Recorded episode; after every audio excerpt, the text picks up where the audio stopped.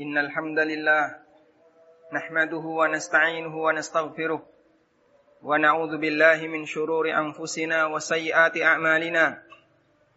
من يهده الله فلا مضل له ومن يضلل فلا هادي له. وأشهد أن لا إله إلا الله وحده لا شريك له. وأشهد أن محمدا عبده ورسوله. يا أيها الذين آمنوا اتقوا الله حق تقاته ولا تموتن إلا وأنتم مسلمون.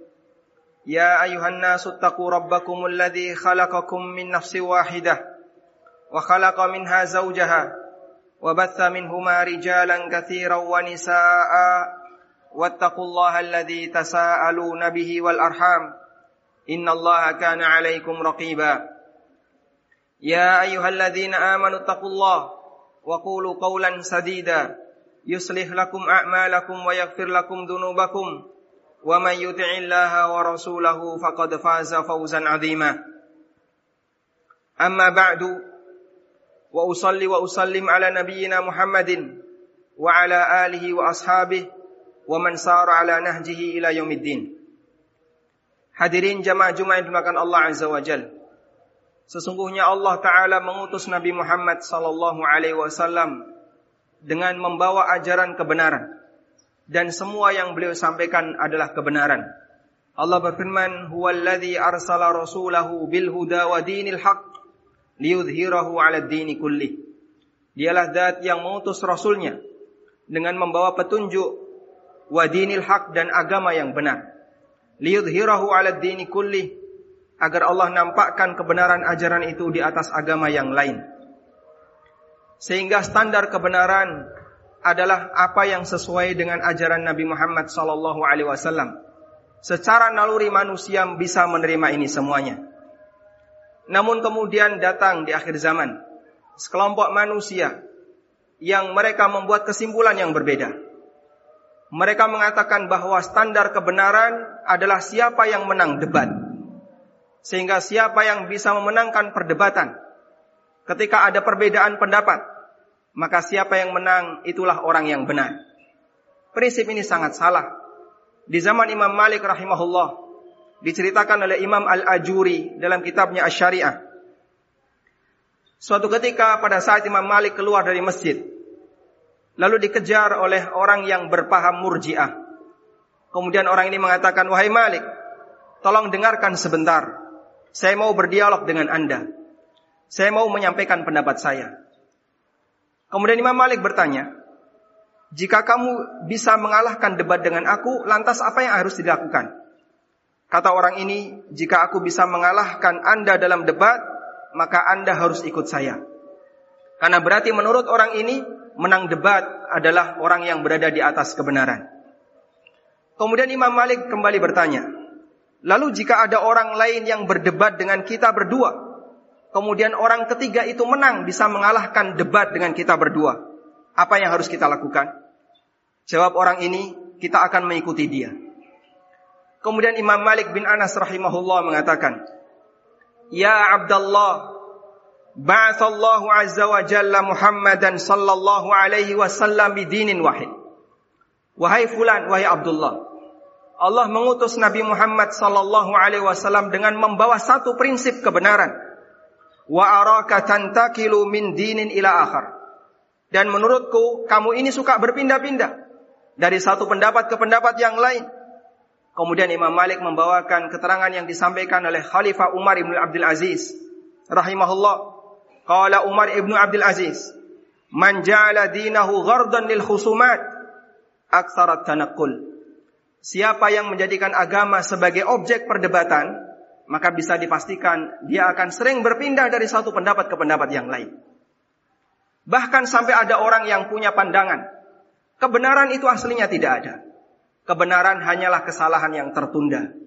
Sehingga saat ini dia menang debat merasa benar, nanti akan ada orang yang ketiga mengalahkan dia, kemudian dia menang. Lalu dia dianggap benar. Nanti ada orang yang keempat debat lagi menang, kemudian dia dianggap benar. Terus kapan kebenaran itu ada? Makanya jamaah dimakan Allah Subhanahu wa taala. Standar kebenaran bukanlah bagaimana orang itu bisa menang debat, bisa menyampaikan alasan, tapi kebenaran apa, adalah apa yang sesuai dengan ajaran Nabi sallallahu alaihi wasallam. perdebatan dan menang debat itu hanya masalah kepandaian dia dalam menyampaikan pendapatnya, kepandaian dia dalam menyampaikan alasannya, dan belum tentu dia di posisi yang benar. Allah Subhanahu wa taala bercerita di surat Sad menceritakan Nabi Daud alaihi salatu wasallam yang beliau menjadi imam, beliau menjadi raja dan sekaligus menjadi hakim. Allah Subhanahu wa taala berfirman, "Wa hal ataka naba'ul khasmi id tasawwarul mihrab?" Apakah telah sampai kepadamu kisah tentang orang yang berdebat ketika dia naik ke tempat ibadahnya Nabi Daud alaihi salatu wasalam. Iddakhalu ala Dawud fafazi'a minhum. Ketika mereka menemui Nabi Daud, lalu Nabi Daud tak kaget. Karena dua orang ini datang tanpa pamit, tanpa minta izin. Fafazi'a minhum, Nabi Daud kaget dengan keberadaan mereka. Kalau mereka mengatakan, La takhaf, wahai Nabi Daud jangan takut khasmani baga ba'duna ala ba'din fahkum bainana bil haqqi wa la tushtit wahdina ila sawa'is sirat. Ini adalah dua orang yang sedang sengketa. Satu antara yang lain mereka berdebat, memperebutkan sesuatu. Maka adililah di antara kami dan jangan menyimpang, berikan petunjuk kepada kami ke jalan yang lurus. Lalu salah satu dari mereka berbicara di depan Nabi Daud alaihissalatu wassalam. Inna hadha akhi lahu tis'un wa tis'un wa tis'una na'jatan wa liya na'jatun wahidah. Faqala akfilniha wa azzani fil khitab. Ini adalah saudaraku. Dia punya 99 ekor kambing. Sementara aku hanya memiliki seekor kambing. Faqala akfilniha. Lalu saudaraku ini mengatakan, coba yang satu ekor ini biar saya saja yang merawat biar jadi genap 100. Lalu orang ini mengatakan, wa'azzani fil khitab, dia mengalahkan aku dalam debat. Sekarang kita akan coba lihat bagaimana keputusan Nabi Daud alaihi salatu wasalam. Di lanjutan ayat, Allah subhanahu wa ta'ala menceritakan, Qala laqad zalamaka bisu'ali na'jatika ila ni'aji wa inna minal khulata'i wa inna kathiran minal khulata'i la yabghi ba'duhum ala ba'din illa alladziina amanu wa 'amilus salihat. Nabi Daud mengatakan, "Wahai kamu, kamu telah mendolimi saudaramu dengan minta kambingnya. Padahal kamu sudah punya banyak. Sehingga meskipun kamu menang debat, tapi menang debat belum tentu berada di atas kebenaran. Sehingga Allah Subhanahu wa taala contohkan perdebatan yang terjadi di antara sama manusia. Menang dan kalah itu bukan penentu kebenaran menang dan kalah dalam debat itu hanya masalah kapan dia pintar bicara dan kapan dia pintar menyampaikan alasan. Ada sebagian orang yang dikasih kelebihan oleh Allah Subhanahu wa taala seperti itu sehingga dia bisa memenangkan debat. Tapi sekali lagi ini bukanlah standar kebenaran. Demikian sebagai khutbah yang pertama, semoga bermanfaat. Aku lu qauli hadza wa astaghfirullah.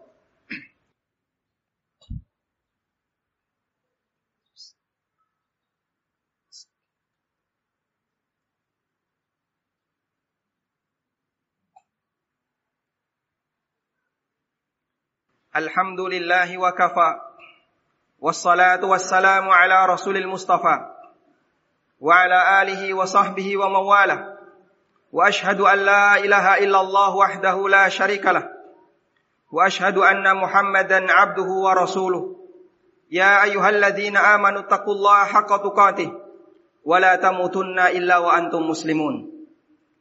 Hadirin jemaah Jumat yang dimakan Allah Azza wa Jalla di negara kita kaum liberal yang mereka lebih unggul dalam mengolah lisan punya bargaining politik di dunia pemerintahan. Saat ini bisa jadi dia berada di permukaan. Kehebatan dia dalam berdebat bahkan sampai menguasai seluruh media dianggap sebagai masyarakat itulah standar kebenaran. Padahal kebatilan sangat nampak di mulutnya belum lagi yang tersimpan dalam batinnya Allah Subhanahu wa taala melalui lisan nabinya sallallahu alaihi wasallam mengingatkan kehadiran orang semacam ini yang sangat mungkin menyusup di setiap ormas yang ada di negara kita.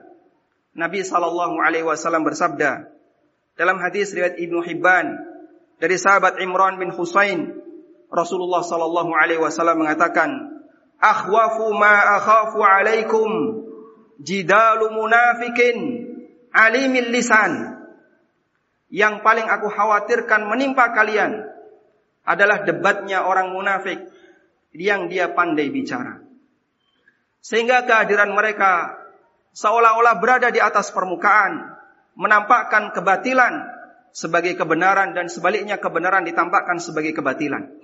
Sehingga kita layak berlindung kepada Allah Subhanahu wa taala min syarri haula dari kejahatan orang-orang semacam ini.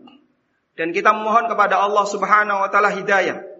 Kalaupun dia bisa mempengaruhi kebijakan, semoga tidak bisa mempengaruhi ideologi. Sehingga bisa saja mereka unggul di dunia politik. Tapi alhamdulillah ketika Allah Subhanahu wa taala berikan kepada kaum muslimin pelindungan dalam hatinya sehingga mereka tetap teguh di atas kebenaran. Kebijakan belum tentu bisa mempengaruhi ideologi seseorang. Kita mohon kepada Allah Subhanahu wa taala hidayah. Semoga Allah Subhanahu wa taala memberikan kita jalan yang lurus dan melindungi kaum muslimin dari kejahatan orang-orang liberal yang dia menampakkan kebatilan sebagai kebenaran dan membalik kebenaran sebagai sebagai kebatilan. Allahumma Allahumma salli ala Muhammad wa ala ali Muhammad kama sallaita ala Ibrahim wa ala ali Ibrahim innaka Hamidum Majid. Allahumma ighfir lil mu'minina wal mu'minat wal muslimina wal muslimat الأحياء منهم والأموات. إنك سميع قريب مجيب دعوات. يا قاضي الحاجات اللهم أرنا الحق حقا وارزقنا اتباعه وأرنا الباطل باطلا وارزقنا اجتنابه. ربنا آتنا في الدنيا حسنة وفي الآخرة حسنة وقنا عذاب النار.